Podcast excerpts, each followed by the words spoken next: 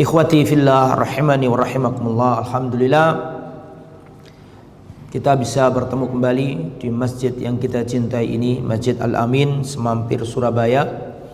Dan kita akan melanjutkan kajian Sirah Nabawiyah yang kita ambil dan kita sarikan dari kitab Ar-Rahiq Al-Makhtum karya Al-Imam Safi Rahman Al-Mubarak Furi rahimahullah rahmatan wasi'ah.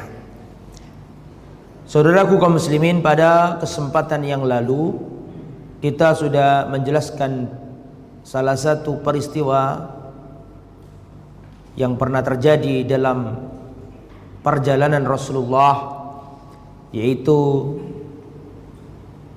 perang Bani Mustalik dan kemudian selanjutnya kemarin dijelaskan tentang peristiwa yang memilukan yaitu hadisul ifki berita dusta fitnah yang telah mengatakan bahwa Sayyidatuna Aisyah alaihissalam ayah mohon maaf Sayyidatuna Aisyah radhiyallahu anha dianggap dan dituduh berzina oleh seorang munafik yang bernama Abdullah bin Ubay bin Salul. Bahkan ada sebagian sahabat Nabi yang ikut menyebarkan gosip tersebut dan akhirnya mereka semuanya sudah dihad dan kemarin sudah kita jelaskan itu. Sesudah itu ada peristiwa ya ada beberapa peperangan-peperangan kecil, pasukan-pasukan yang diutus oleh Rasulullah sallallahu alaihi wasallam. Dan pada tahun 6 Hijriah terjadi peristiwa besar 6 Hijriah yaitu peristiwa Umratul Hudaybiyah Umrah Hudaybiyah atau juga dikenal peristiwa ini dengan Perjanjian Al-Hudaybiyah Perjanjian Al-Hudaybiyah ini perkara yang penting dalam perjuangan Rasulullah Sallallahu Alaihi Wasallam.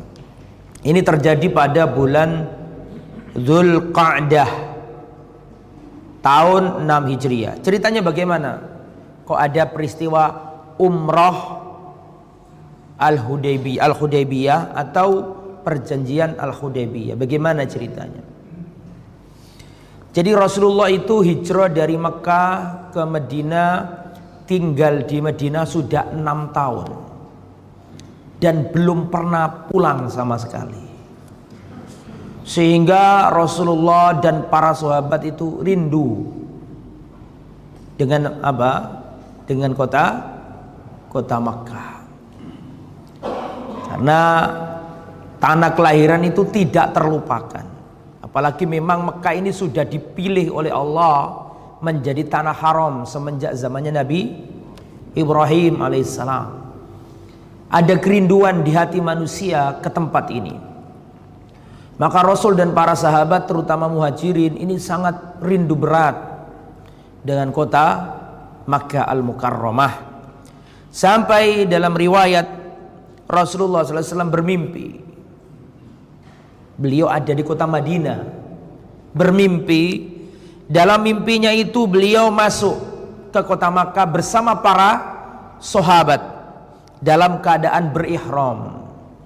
Dalam keadaan bertalbiyah masuk ke kota Mekah untuk tawaf berumrah tawaf sampai seluruh rangkaian apa namanya umrah itu. Sampai me apa namanya muhallikin arusahum sampai menggundul rambut-rambut mereka. Artinya selesai apa?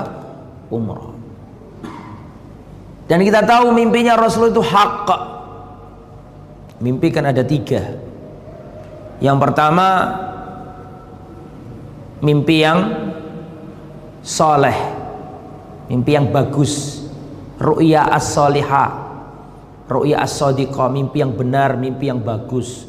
Mimpinya para nabi ya, bahkan dalam riwayat salah satu bagian kenabian yang masih ada adalah apa?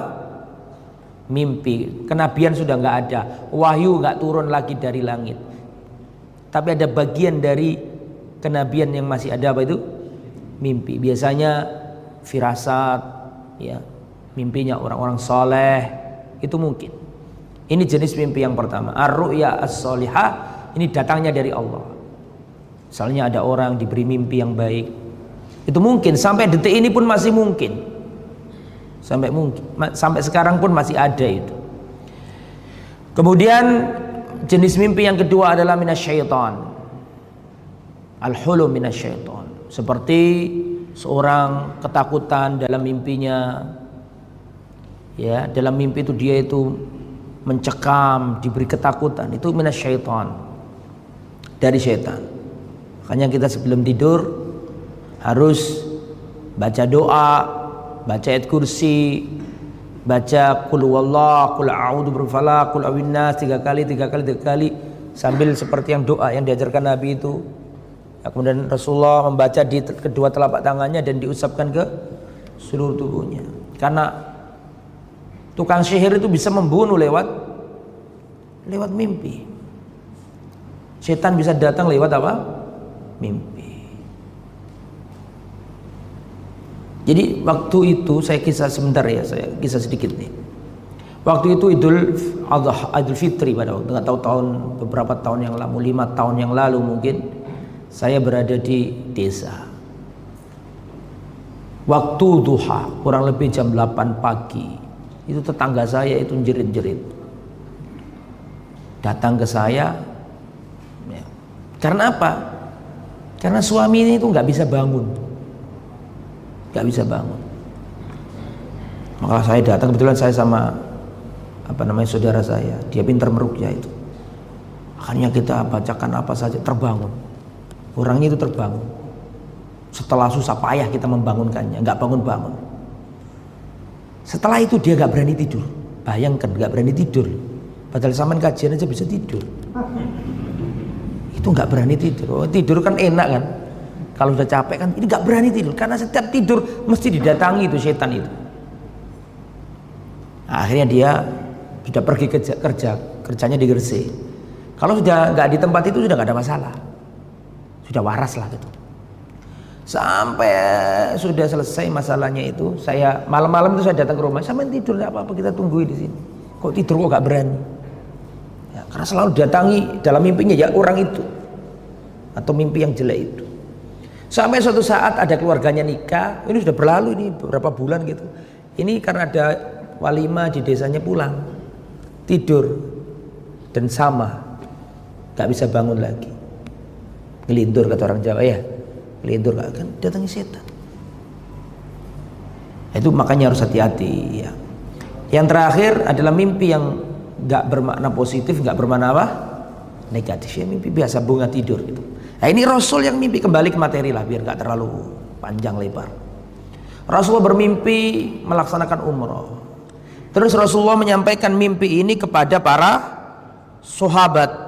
Maka para sahabat sangat gembira Saking rindunya para sahabat, terutama al-muhajirun ya, ke tanah kelahiran itu kota apa? Makkah al-Mukarramah. Dan Rasulullah sallallahu alaihi wasallam pun menyampaikan ini dan mengajak para sahabat untuk umroh bersama-sama. Sehingga terkumpullah ya pendapat yang rojih wallahu alam 1400 sahabat Nabi itu seluruhnya inti itu. Ada satu orang munafik ikut sudah terlanjur ikut. Bahkan nanti sampai baik atau ridwan ikut juga orang munafik apa?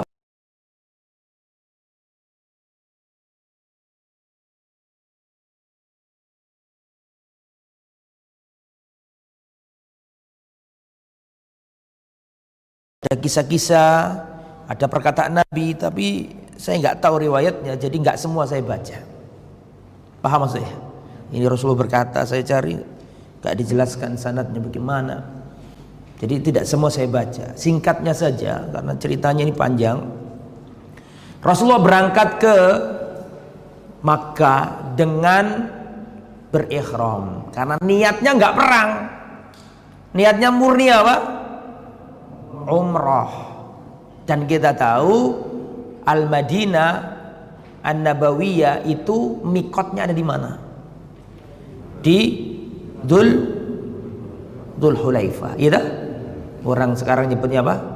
Bar Ali. Maka para sahabat ke situ semuanya. Kemudian Rasulullah SAW menyuruh untuk ya mengalungkan apa namanya mengasih ya mengalungkan al, al hadiah apa namanya binatang-binatang yang akan dipakai apa? Berkorban. Ya. Terus dikasih tanda. Terus niatnya ihram untuk umrah labbaik Allahumma umratan berangkatlah Rasulullah Sallallahu Alaihi Wasallam. Dalam riwayat dikatakan Rasulullah mengutus seorang mata-mata untuk mengamankan jalannya sampai ke Mekah itu. Ya. Laki-laki ini dari Khuza'ah. Karena Khuza'ah itu sekutunya Rasul Khuza'ah itu sekutunya Rasul sedangkan Kinana itu sekutunya Quraisy. Oke ya gitu ya. Nah, di tengah perjalanan Rasulullah Shallallahu Alaihi Wasallam itu mendapatkan info ya bahwa orang kafir Quraisy itu tidak terima Rasulullah itu berangkat menuju Mekah. Bahkan info yang masuk orang kafir Quraisy itu ketakutan karena Muhammad membawa pasukan apa? Banyak. Dikira mau menyerang kota Mekah. Padahal tidak sama sekali. Tidak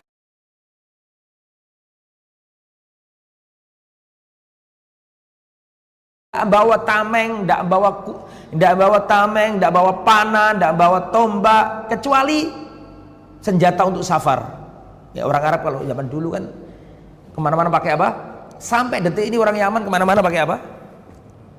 Ya, pakai ada yang pisau kecil ini. Biasanya kayak gitu. Apalagi zaman dulu kan gitu kan. Di tengah padang pasir nggak tahu apa yang terjadi. Bawa senjata biasa.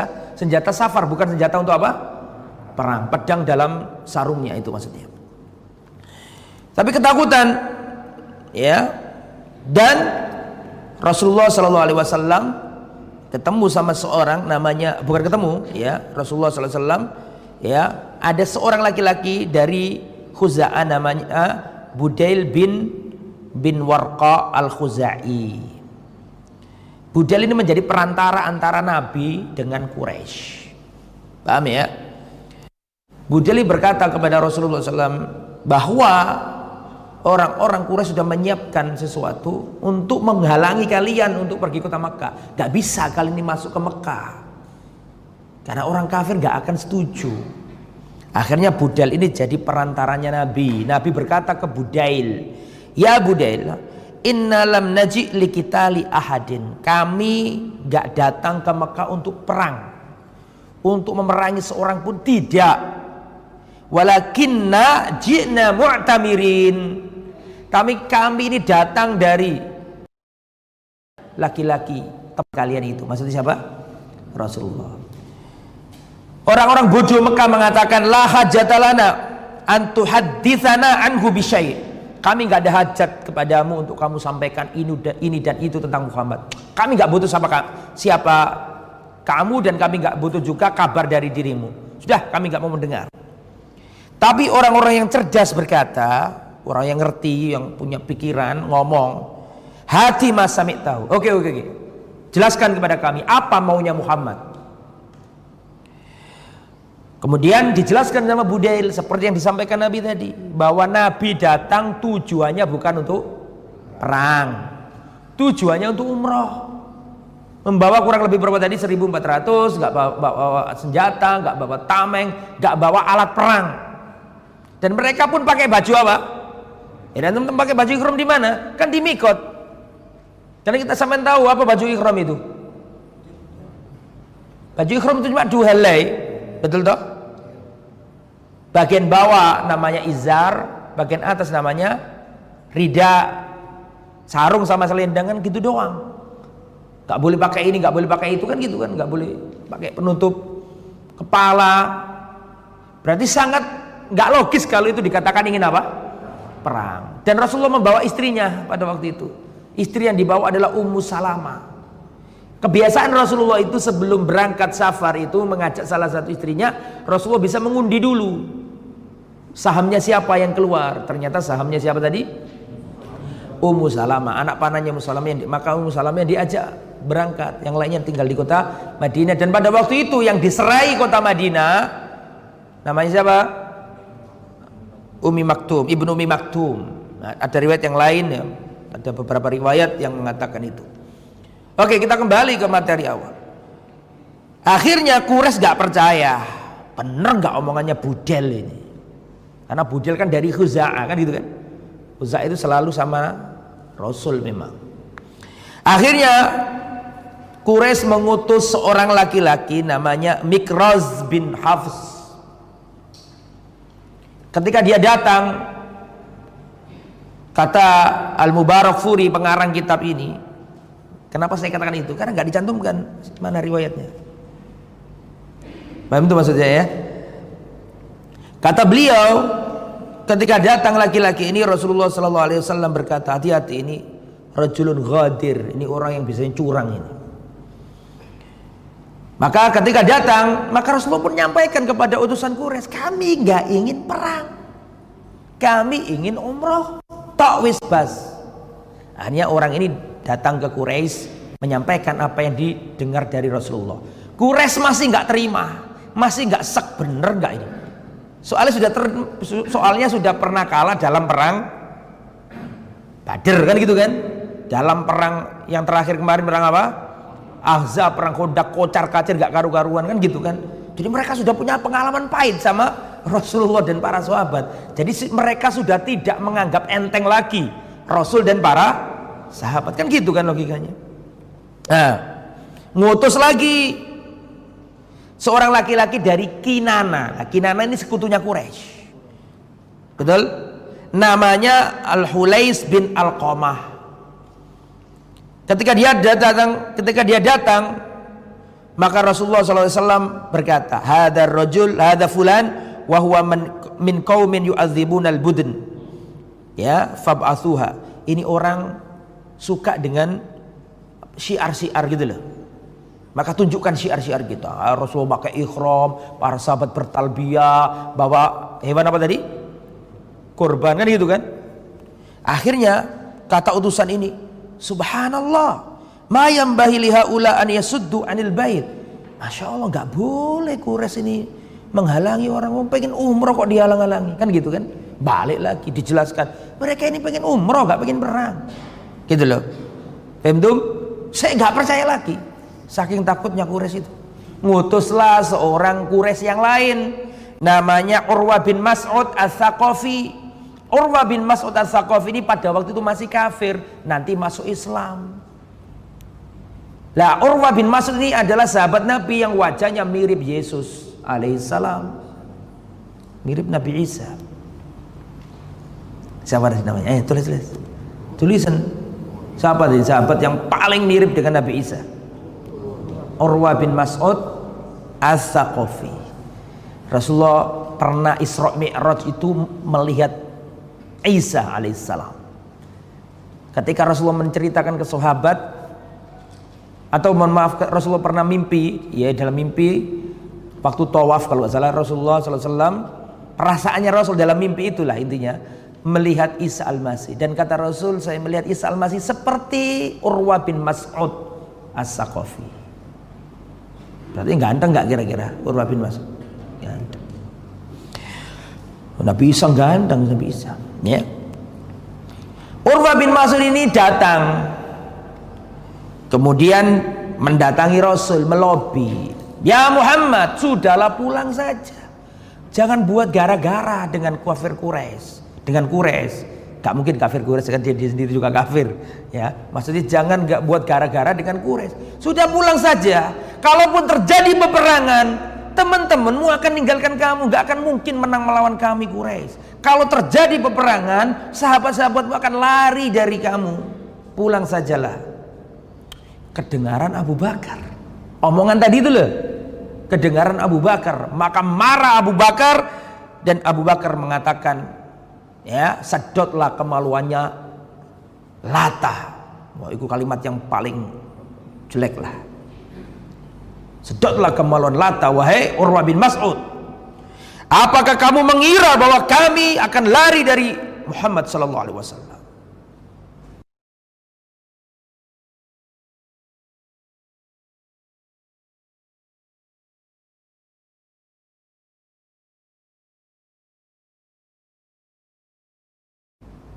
Tidak akan pernah kami lari dari dia. Oh, pengalaman sudah membuktikan perang Badr, ya kan? Maka Urwah bin Mas'ud berkata, "Man hadha? Siapa laki-laki ini kok ngomong kayak gitu?" Orang-orang berkata, "Abu Bakrin Ibnu Abi Kuhafa." Dia ini adalah Ibnu Abi Kuhafa, Abu Bakar. Ketika tahu ternyata yang ngomong itu Abu Bakar, Urwah bin Mas'ud mengatakan, "Ama wallahi ama ama walladhi nafsi biyadih, laula yadun kanat indi lam lam ajzika biha la la ajabtuka." Demi Allah, seandainya dahulu orang ini Seandainya orang ini kalaulah bukan karena dia dulu pernah berjasa sama aku, niscaya aku akan menjawab orang ini. Ketika dimarahi tadi loh. Sedot saja kemaluannya Lata. Apakah kamu mengira bahwa kami akan lari dari Nabi Muhammad? Siapa orang ini? Abu Bakar, ibnu Abi Kuhafa. Kalaulah bukan karena dulu orang ini pernah berjasa kepada aku, niscaya aku akan jawab omongannya. Tapi ini Abu Bakar, orang baik gitu loh maksudnya. Siapa yang berani mencela Abu Bakar? Abu Bakar punya celah di mana? Orangnya baik, tidak pernah minum homer tidak pernah nyembah berhala orang nggak ikut. Yang di, yang dilakukan orang kafir Quraisy nggak dilakukan oleh siapa? Abu Bakar orangnya masya Allah. Kemudian setelah itu Urwah bin Mas'ud dalam riwayat menarik jenggotnya Rasul. Menarik siapa? Jenggotnya Rasul. Nah, pada itu kebetulan Rasulullah SAW itu kendaraannya dipegangi sama sahabat Nabi Al-Muhirah bin Syu'bah Al-Muhirah bin Subah ini ada di samping kepalanya Rasulullah membawa pedang. Kemudian jenggotnya Nabi ditarik sama Urwah bin Mas'ud. Setiap kali pegang ditutup. Ngerti di dia apa? Dia apa kan? Iya sama dihalangi sama pedangnya siapa namanya? Al-Muhirah bin Su'bah. Setiap kali mau narik dihalang-halangi sama Al-Muhirah bin Syu'bah. Kemudian man hadha? Siapa orang ini? Al-Mughirah bin Syu'bah. Keponakannya sendiri. Keponakannya siapa? Hah? Urwah bin Mas'ud Ats-Tsaqafi. Oh, diungkap-ungkap kejelekannya ini.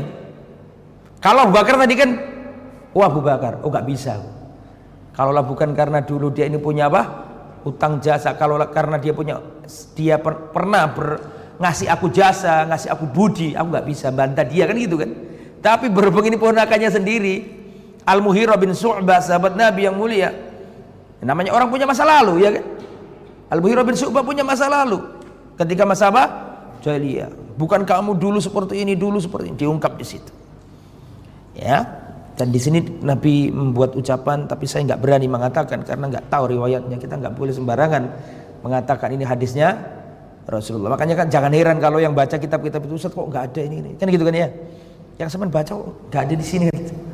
Karena nggak semua saya apa nggak semua saya baca. Ya, kitab ini bagus tapi salah satu kelemahannya di situ memang. Apa maksud saya ya? Karena kadang-kadang nyantumkan ucapannya Nabi tapi nggak ada apa nggak ada riwayatnya. Ya coba cek aja iya kan? Makanya kadang-kadang nggak saya baca. Tapi maksudnya saja gitu loh. Intinya tetap kena lah gitu. Lah akhirnya dalam hadis Bukhari karena tadi Urwah bin Mas'ud mengatakan, Muhammad, pulang saja. Nanti kalau terjadi peperangan, itu sahabatmu nggak ada yang bela kamu. Kan gitu tadi ya. Akhirnya para sahabat Nabi menunjuk kalau ini sohe kalau ini Bukhari riwayatnya. Nggak tahu di sini nggak dicantumkan, cuma isyarat saja. Saya tambahi. Dalam riwayat Bukhari ini, para sahabat Nabi mencantumkan bagaimana rasa takzimnya kepada Rasulullah untuk menjawab ucapannya siapa tadi?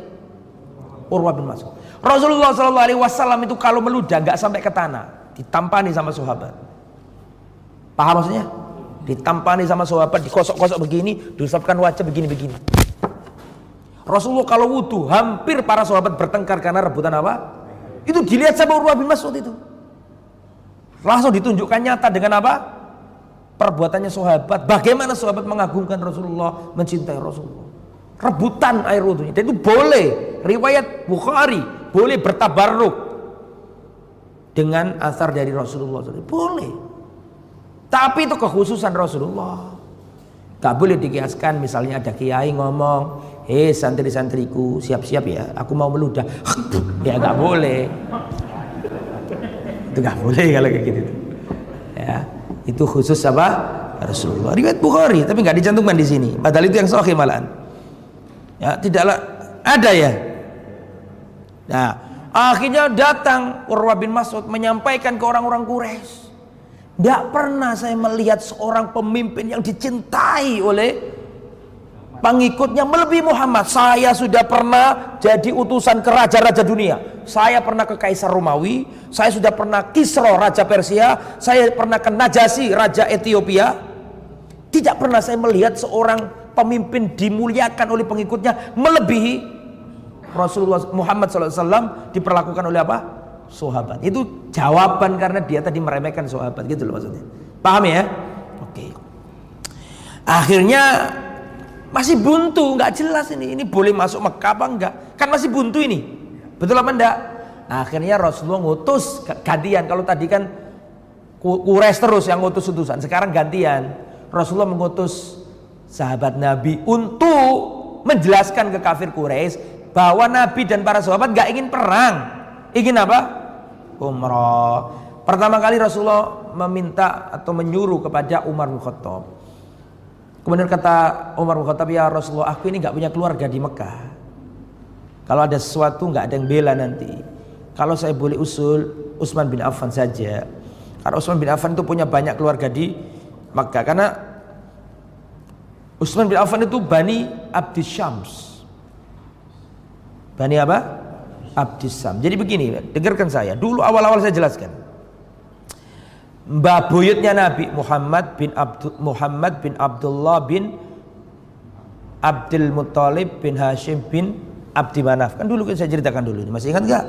Abdi Manaf punya anak empat yang utama. Punya anak lain. Tapi yang paling utama empat.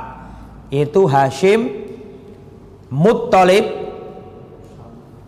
Nawfal, Abdul Syams. Masih ingat gak? Ya, Hashim ini punya anak namanya Abdul Muthalib, betul?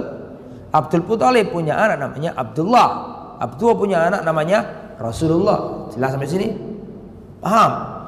Lah Abdul Syam ini ya punya anak ini Bani Umayyah nantinya kayak Utsman bin Affan, Muawiyah bin Abi Sufyan, kemudian ya Muawiyah, ya Yazid bin Abi Sufyan, Yazid bin Umayyah, eh, bin Muawiyah. Itu semuanya Bani Hashim. Eh Bani apa? Abdissam. Ya. Lah, punya klan besar gitu loh Mas Abdissam ini. Ya. Jadi Abdissam ini melahirkan Utsman bin Affan, melahirkan Muawiyah, melahirkan Al-As dan seterusnya. Oke. Maka setuju Rasulullah yang diberangkatkan Utsman karena punya keluarga besar, nggak mungkinlah dilukai di sana kan gitu kan. Meskipun kafir kan itu dalil bahwa orang Quraisy itu sangat sangat apa? Setia dengan apa? Asobia, keluarga gitu. Masih ingat nggak ketika Rasulullah diboykot itu di lembah itu, yang ikut diboykot tidak hanya yang Muslim saja loh, termasuk yang kafir pokoknya Bani Hasim kan gitu ceritanya. Itu menunjukkan mereka sangat cinta apa? Asobia, cinta dengan kesukuan gitu loh. Berangkatlah siapa tadi Utsman bin Affan. Langsung disambut disambut Aban ibnu Sa'id ibn al-As. Ya disambut. Bahkan disuruh tawaf dulu karena kebiasaan dan memang sunahnya kan gitu datang harus apa? Disuruh tawaf. Gak mau. Siapa yang gak mau? Utsman bin Affan. Kenapa? Bagaimana saya mendahului siapa? Rasul tidak mau. Itu menunjukkan kesetiaannya siapa? Utsman bin Affan. Lah, ini Utsman bin Affan lama tertawan di situ nggak pulang-pulang. Dikira dibunuh. Jadi Rasulullah yang masih tertawan di jalan, maksudnya tertawan di jalan nggak maju nggak mundur gitu loh. Kan nggak jelas masih perkara ini mau lanjutkan apa enggak itu kan. Rasulullah masih di tengah jalan itu. Itu nunggu Utsman bin Affan nggak pulang-pulang, nggak balik-balik. Dikira dibunuh dan tersebar gosip bahwa Utsman bin Affan terbunuh Akhirnya Rasulullah Shallallahu Alaihi Wasallam mengumpulkan para sahabat. Terjadilah bayat yang terkenal, terjadilah bayat yang melegenda. Siapa yang ikut bayat itu dijamin masuk surga. Bayat apa namanya? Hah? Namanya Bayatul Ridwan. Yang terkenal itu lah. Kecuali yang nggak kenal. Di bayat Rasulullah seluruhnya 1400 sahabat Nabi setia ya untuk membalas dendam dan berangkat untuk mengambil darahnya siapa tadi? Ya, begitulah intinya bayat setia. Ya, fasaru bayunau ala alla yafirru. Berbaiat kepada Nabi supaya mereka tidak boleh lari dan setia sampai mati kepada Rasulullah SAW. Dan orang yang pertama kali membaiat Nabi adalah Abu Sinan Al-Asadi. Di, di antara berapa orang tadi? 1400. Abu Sinan Al-Asadi dan yang lain ada uh, Salama bin Aqwa. Ya. Semuanya, semuanya 1400 ikut kecuali satu orang munafik yang nggak ikut. Tapi sudah terlanjur jalan bareng mau pulang gak ono koncone ngono lho. Wis elok lah 1400 wong. Mulai izin gak enak. Mau mau pulang sendirian kan gak enak. Wis ikut. Tapi dia gak mau ikut bayat. Munafik. Menampakkan keislaman tapi benci sama Islam. Siapa namanya? Jad bin Qais. Selain itu 1400 bayat semuanya. Lah Allah memuji orang-orang yang ikut bayat ini. Sampai terakhir Rasulullah mewakili Utsman. Hadhihi an Utsman. Ini tangannya Utsman. Rasulullah mewakili Utsman. Karena yang lain kan bayat langsung sama Nabi salaman salaman gini kan? Utsman kan nggak ada. Di, Utsman diwakili Nabi sendiri berbayat kepada dirinya. Fahim tuh? Berarti saya mau tanya, berarti statusnya Utsman ikut bayat Ridwan apa enggak? Ikut, gitu loh. Bahkan bayat Ridwan sendiri terjadi di antaranya karena Utsman. Paham maksudnya? Karena kenapa saya jelaskan ini? Karena dulu saya jelaskan kepada antum waktu ngaji kitab Hikmah Minat Tarikh, salah satu sebab Utsman diberontak karena nggak ikut Bayatur Ridwan. Jawabannya justru Bayatur Ridwan itu ada karena peristiwanya Utsman. Dan yang kedua Rasulullah sudah mewakili Utsman. Masih kan nggak cerita dulu yang saya ceritakan? Ya, di pelajaran Hikmah Minat Tarikh. Dan Rasulullah memuji orang-orang yang ikut perang eh ikut Bayatur Ridwan ini Allah turunkan ayat dari langit memuji 1400 orang ini. Yaitu surat Al-Fatah ayat 18. Laqad radiyallahu 'anil mu'minina id yubayyi'unaka tahta syajarah. Dan sungguh benar-benar Allah ridho kepada orang-orang yang beriman yang dahulu telah membaiatmu wahai Muhammad di bawah pohon itu di bawah pohon. Jadi peristiwa itu di bawah pohon. Nah nanti Rasulullah wafat, Abu Bakar wafat di zamannya Umar, orang-orang itu cari mana pohon itu karena ada di Al-Qur'an. Ya, tahta syajarah. Mereka membaiat Rasul di bawah pohon. Nah, orang kan penasaran kan? Rasul sudah wafat, Abu Bakar sudah wafat. Zamannya Umar, orang-orang cari apa? Pohon. Ketemu, oh tinggallah berkahi. Mulailah, oh ini pohon keramat ada di Al-Quran tebang sama Umar bin Khattab. Coba zaman saiki wisata religi. Zaman saiki itu mungkin dipagari bolak-balik itu sudah. Betul apa enggak musuh Umar dipenggal kok dipenggal? Siapa? Kan dipotong lagi seakar-akarnya biar gak tumbuh. Makanya Umar itu Al Faruq pembeda dari hitam putih. Al Faruq Umar tuh nggak mau ada kayak gitu-gitu tuh. Menyebabkan akidahnya umat ini jadi apa? Rusak. Ya iya pohon itu pohon itu bernilai sejarah tapi tidak bernilai ibadah gitu loh. Sama dengan gua hiro. Gua hiro itu bernilai sejarah iya tapi tidak bernilai apa? Ibadah. Ya sekedar sejarah menurut Nah kalau nggak dipahami ditawasuli digini-giniin diraup-raupin wajah nanti daunnya jadi jimat itu bisa jadi kalau sekarang. Iya gak ditebang sama Umar Makanya Umar gak seneng sama penyelewengan-penyelewengan gitu. Masih ingat gak? Umar itu waktu Abu Bakar masih hidup datang ke Abu Bakar, wahai khalifah, tolong pecat Khalid bin Walid itu. Di lobi loh Abu Bakar itu sama siapa? Karena Umar ini melihat perang kalau ada Khalid mesti menang. Orang-orang itu selalu ibaratnya kok perang lu sahabat lihat Khalid, oh, no Khalid es menang wis. Saking mesti nenek menang sehingga sahabat nek mau perang ono kok Khalid ono menang wis. Paham ya? Nah, khawatir akidah ini rusak bergantungnya kepada Khalid kan gitu kan. Datanglah Umar tolong dipecat. Dijawab sama Abu Bakar, "Wallahi tidak akan saya sarungkan pedang yang sudah dihunus oleh Allah dan Rasulnya." Tidak mau Abu Bakar itu menyelisih Nabi. Abu Bakar wafat, yang dilakukan Umar langsung mencat Khalid bin Walid.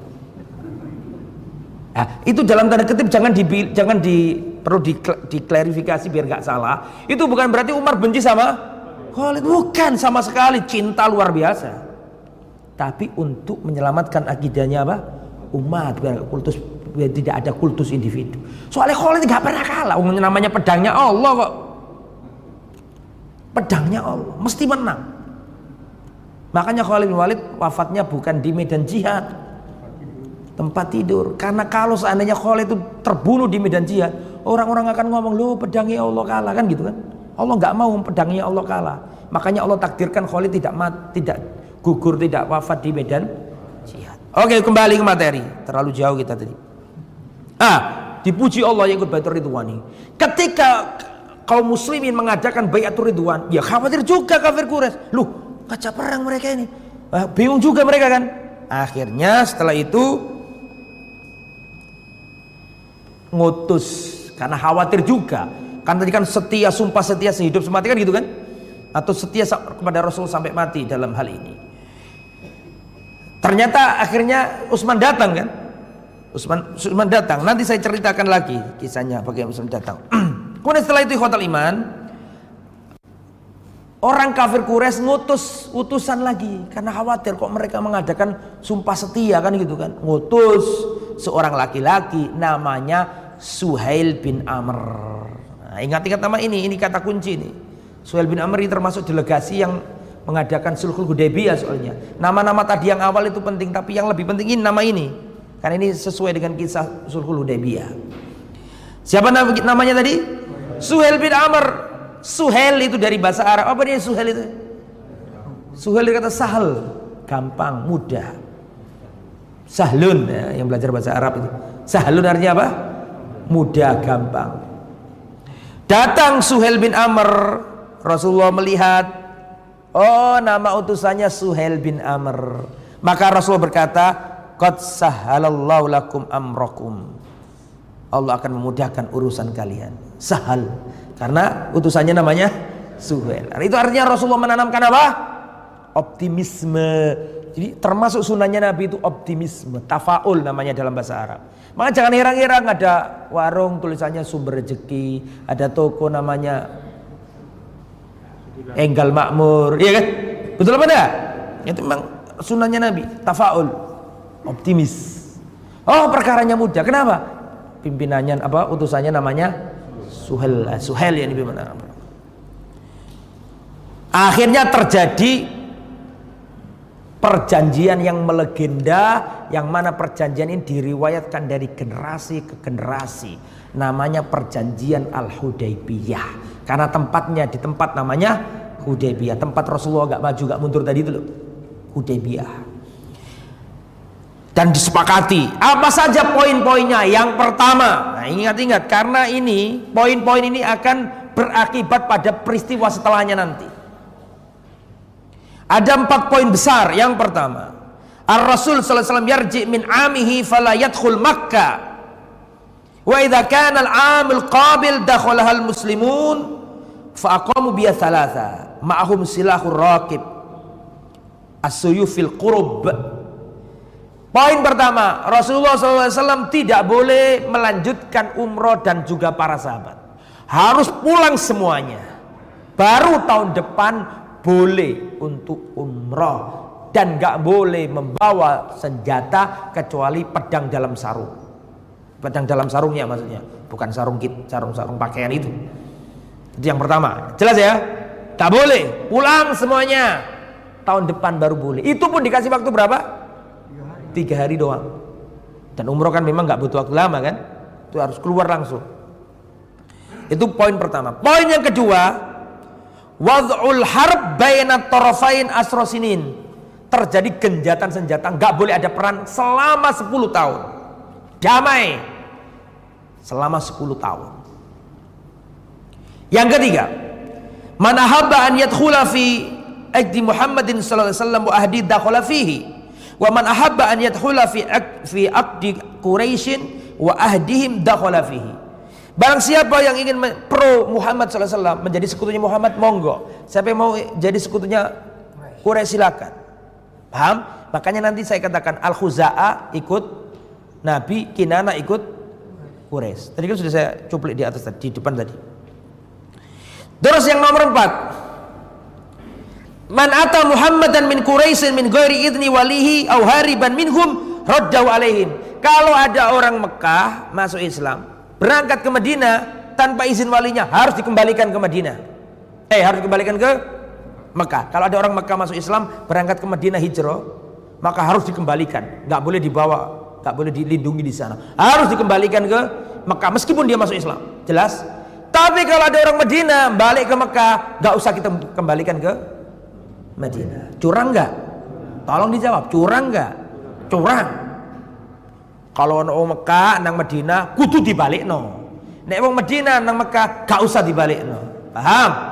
Oke. Secara kasat mata merugikan Islam enggak? Kak Sido umroh kan gitu kan? Padahal semangat semangat loh sahabat.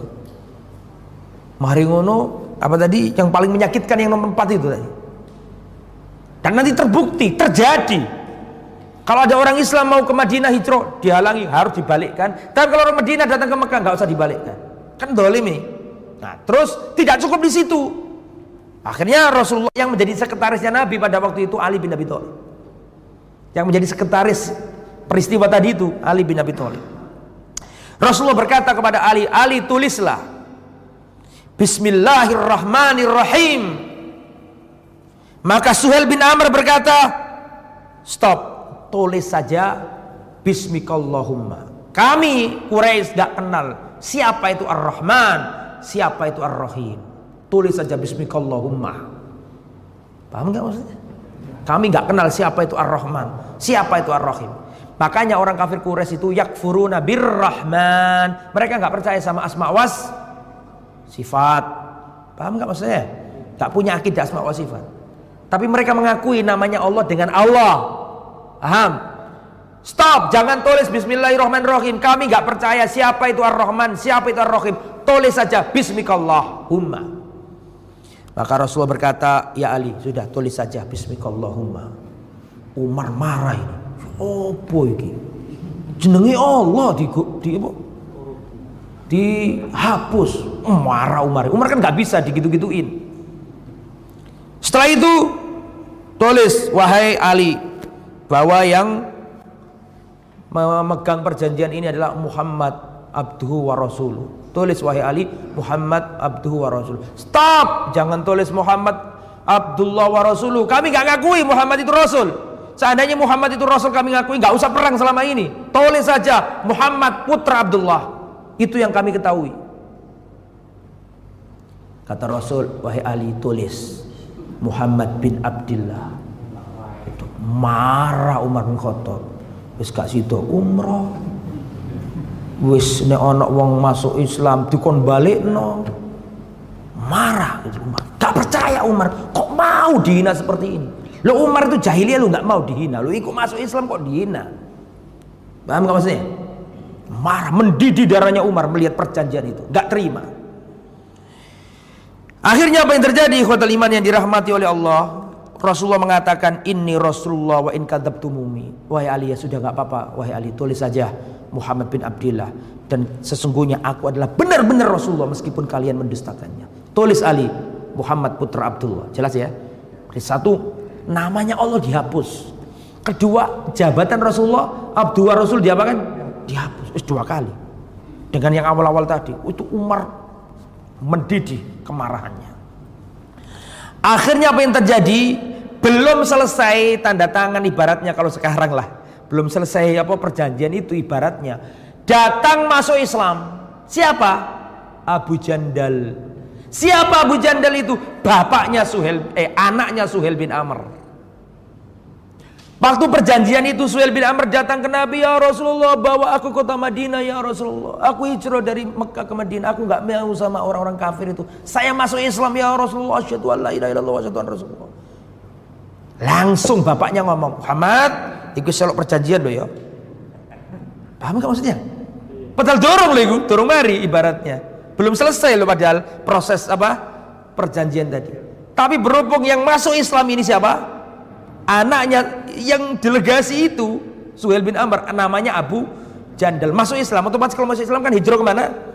Ke Madinah. Tapi Suhail bin Amr mengatakan ini sudah masuk kategori perjanjian nggak boleh dibawa ke Madinah harus dikembalikan. Harus balik ke mana ke langsung diseret ditempeleng dulu sama bapaknya. Tempeleng cepat diseret ini si anak ini. Disuruh balik ke Mekah diseret-seret. Umar nggak bisa menahan diri Akhirnya apa yang terjadi? Rasulullah berkata, Ya Abu Jandal isbir, wahtasib, wahai Abu Jandal sabarlah, haraplah pahala dari Allah. Ya fa Allah jailun laka waliman maka minal mustad'ifin farajan mahraja. Allah akan memberikan solusi dari dirimu sabar, sabar, sabar. Umar sudah bolak-balik terluka. Umar sampai gak percaya kejadian itu terjadi. Umar langsung mengikuti Abu Jandal yang diseret-seret sama siapa tadi? Bapaknya sabar wahai Abu Jandal sambil pedangnya ditaruh di depannya begini. Ya, sabar Abu Jandal, sabar Abu Jandal. Maksudnya Umar itu cupuan pedangku patenono bapakmu gitu loh jadi. Sabar-sabar sambil pedangnya begini. Fawasad fawasaba Umaru ibnu Khattab ma Abi Jandal. Maka Umar langsung meloncat bersama Abu Jandal sambil berjalan di sampingnya Abu Jandal dan Umar mengatakan isbir ya Abu Jandal isbir ya Abu sabarlah ya Abu Jandal sambil pedangnya diapakan disodorkan. Tujuannya itu jupuun pedangku patenono bapakmu. Soalnya ini aku kan gak iso mateni bapak ter, ter, terikat apa tadi? Perjanjian kan bapak bapakmu di patenono wae. Itu kok seandainya Umar yang diseret oh dipateni bapak itu. Paham gak? Dulu Umar pernah ngomong kepada Abbas hei Abbas masuk Islam lah kamu. Saya tahu Rasulullah itu ingin kamu masuk Islam. Kamu masuk Islam lebih aku cintai dari bapakku khotob masuk Islam. Bayang. Walak wal barok tingkat tinggi itu sudah Paham nggak maksudnya? Nah, itu Abu, itu Umar itu pemisah antara kekafiran sama keislaman. Akhirnya Abu Jandal melarikan diri yang nggak Mekah ya nggak ke Medina. Lari ke pesisir dekat dekat apa? Laut Merah. Setiap semenjak kejahatan senjata berapa tahun tadi? Setiap orang yang masuk Islam gak bisa ke Madinah. Kalau sampai ke Madinah mesti disuruh pulang sama Nabi. Karena Nabi gak pernah ingkar janji. Paham gak maksudnya? Setiap ada orang masuk Islam, datang ke Madinah ditolak Nabi karena sesuai dengan perjanjian. Akhirnya membuat camp militer di perbatasan situ. Eh kok di perbatasan? Di apa tadi? Di pesisir itu. Setiap kali masuk Islam datang ke situ. Akhirnya Abu Jandal jadi komandan, banyak pengikutnya di situ. Nah, nanti nanti belum ada di sini. Nanti nih orang ini masuk, setiap orang ini orang kafir Quraisy apa mau dagang ke Syam dirampok sama Abu Jandal sama pasukannya yang orang-orang yang masuk Islam yang nggak boleh ke Medina itu membuat komunitas di sana. Akhirnya mikir juga orang kafir Quraisy, wah bahaya Bu Jandali. Didang terus gini untuk jalan kan gitu kan. Nah, itu nanti tapi sekarang ini dulu. Umar ini kecewa betul dengan peristiwa itu. Otomatis para sahabat kan nggak jadi Umar nih ya. Dan harus gondol ini harus diselesaikan dulu urusannya. Nggak bisa terus nggak jadi Umar terus nggak jadi nggak bisa. Ada aturannya kan Akhirnya Rasulullah menyuruh para sahabat, gondollah kalian apa sembelilah apa? Korban dan gondollah kalian. Sahabat tidak ada satu pun yang mau. Cari ini umroh kok gak sido.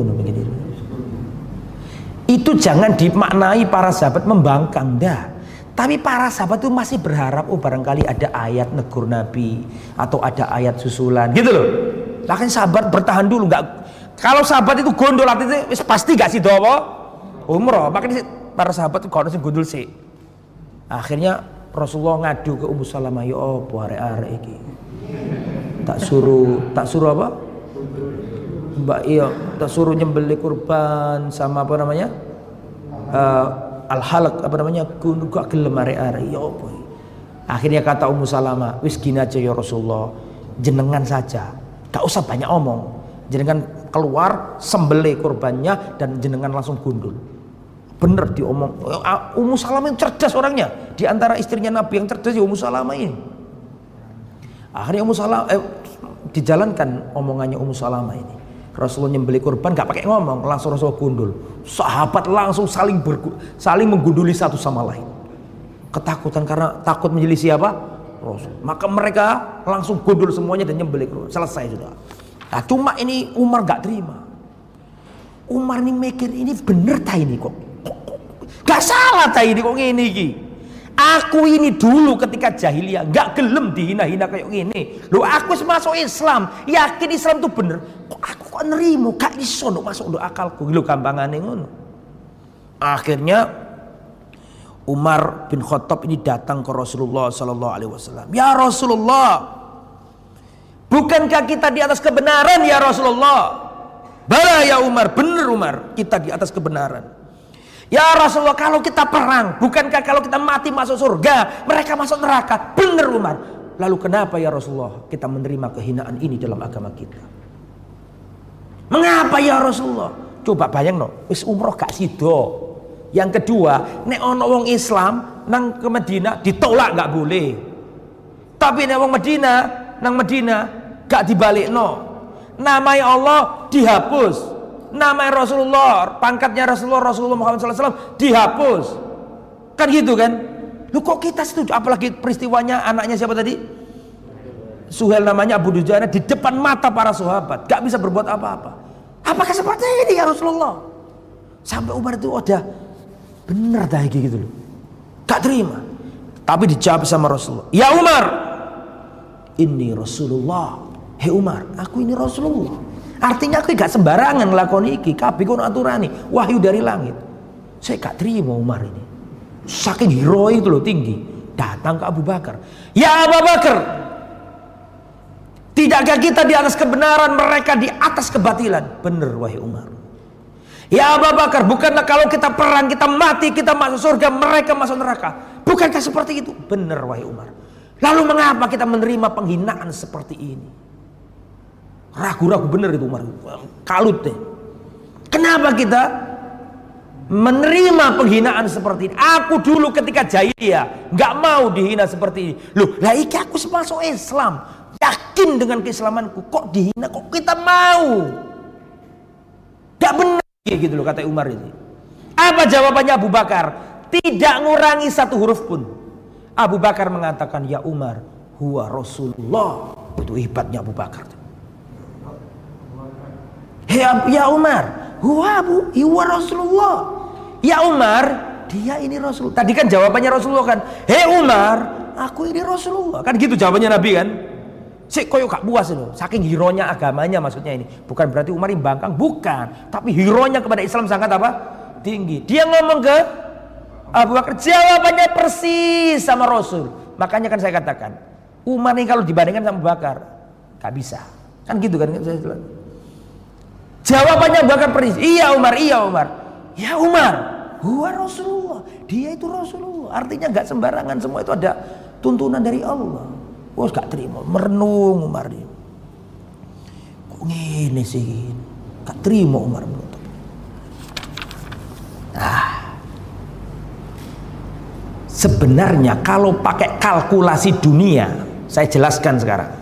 Kalau menurut kalkulasi dunia dan kalau kita berpikirannya tidak panjang, mesti kita setuju dengan Umar, gak setuju sama Nabi, gak setuju sama Abu Bakar. Betul nggak?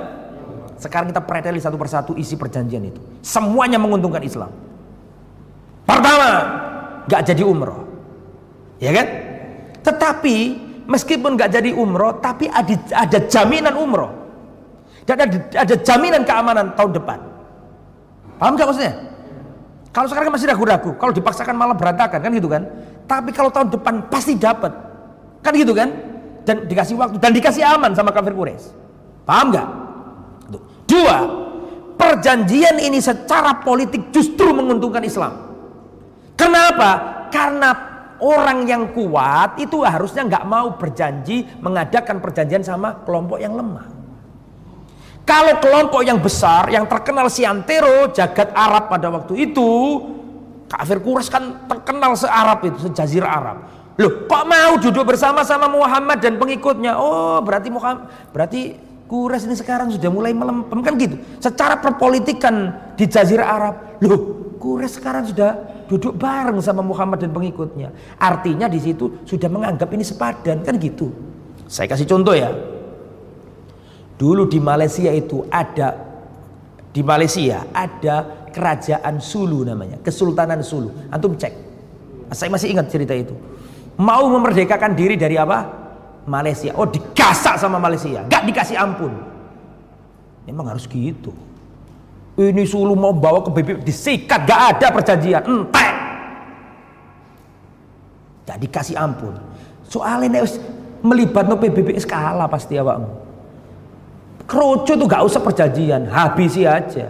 Paham gak maksudnya? Paham dah? Timur Leste di nang PBB ucul pas. Paham nggak maksudnya? Timur Leste ya ucul, ngerti ucul lah? Harusnya nggak pakai gitu-gitu, sikat habis saja. Itu kedaulatan kita kok. Tapi itu kan sudah politik kita nggak bakas itu. Tetapi kalau ada kelompok besar sudah mau negosiasi sama kelompok kecil, akhirnya yang menang itu artinya itu artinya yang kecil sudah dianggap besar. Paham nggak? Jadi secara perpolitikan namanya Nabi meningkat begini. Meskipun secara kalau dari intern kayak kita itu rugi, padahal aslinya nggak rugi itu. Justru itu eksistensi kaum muslimin diakui. Paham sampai sini? Tuh. Terus adanya genjatan senjata selama berapa tadi? Oh ini bermanfaat bagi Islam karena aman itu sangat penting bagi dakwah. Artinya dakwah nggak direcoki. Lo kok di EDW ngomong genjatan senjata selama berapa tadi? 10 tahun. Emangnya selama ini yang ngajak perang sopo? Kok dia sendiri yang ngomong 10? Berarti menguntungkan siapa? Menguntungkan kaum muslimin. Artinya selama 10 tahun ada jaminan keamanan. Rasulullah bisa berdakwah ke mana-mana. Dan secara mencatat 10 tahun itu digunakan Nabi. Nyurati raja-raja dunia. Nanti setelah ini ada babnya. Rasulullah ngirim surat ke raja-raja dunia. Rasulullah ngirim surat ke Heraklius, Kaisar Romawi. Rasulullah ngirim surat ke Kisra, Raja Persia. Rasulullah ngirim surat ke Mukaukis, Raja Mesir. Rasulullah ngirim surat ke Najasyi. Rasulullah ngirim, surat ke Bahrain. Uh, di mana ada raja dunia dikirim sama Nabi itu. Aman, sudah gak nggak direcoki sama siapa? Kafir Quraisy. Justru itu Rasulullah fokus ke tempat-tempat lain, Arab-Arab Badu didakwai. Makanya nanti gak sampai lama, beberapa tahun, gak sampai 10 tahun Gak sampai lima tahun dipikir-pikir sama kafir Quraisy, kok kita yang rugi ya? Makanya nanti nanti yang melanggar yang melanggar perjanjian siapa? Kafir Quraisy. Sebentar besok kita terangkan, jangan sekarang. Ya. Nah, terus yang nomor berapa sekarang? Ah, poin yang mengatakan poin yang mengatakan kalau orang Islam masuk Islam hijrah ke Madinah ditolak kan itu kan? Yang dari Medina balik ke Medina ke Mekah nggak dikembalikan.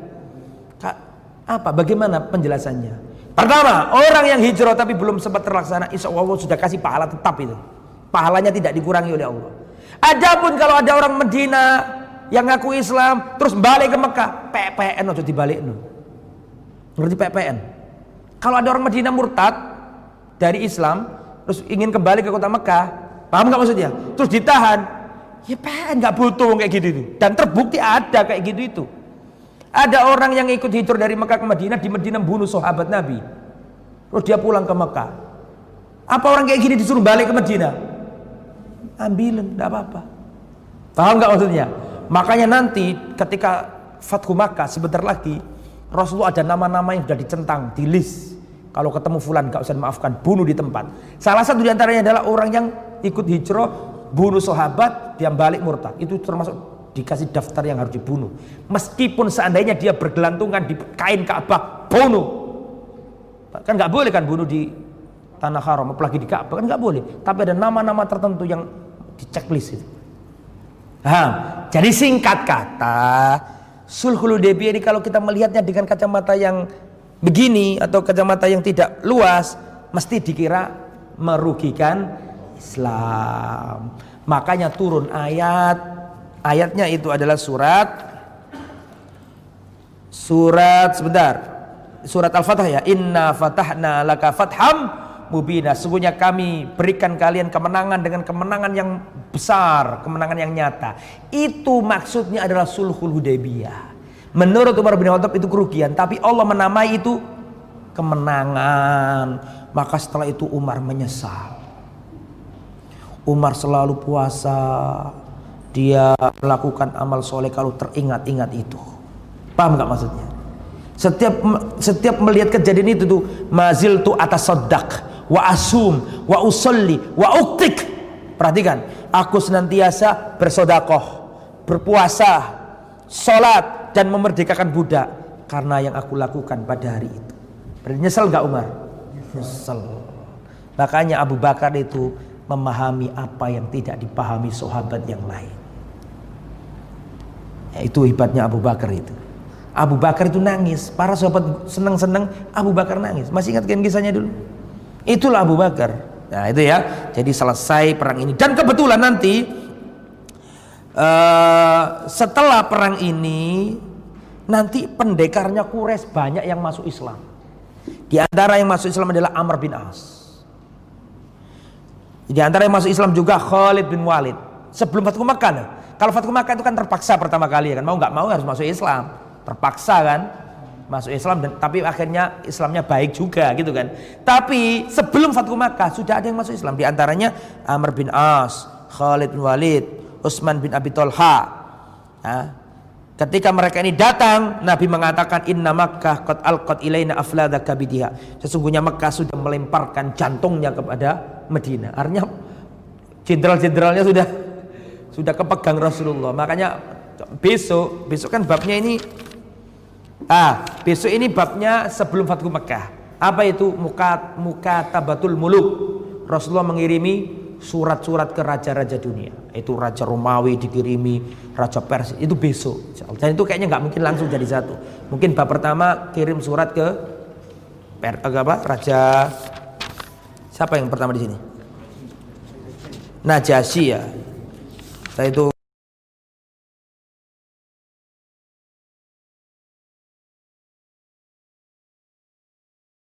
Sebenarnya. Maka yang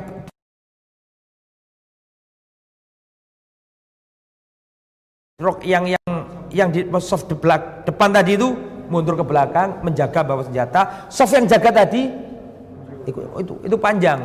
Dan memang modelnya macam-macam perang itu. Jadi intinya per, kejadian sulhul Hudaybiyah ini turunlah ayat tentang sulhul eh tentang sholat khawf. Ya, tadi gak saya sampaikan. Semoga bermanfaat apa yang disampaikan. Mohon maaf atas segala kekurangan dan kekhilafan.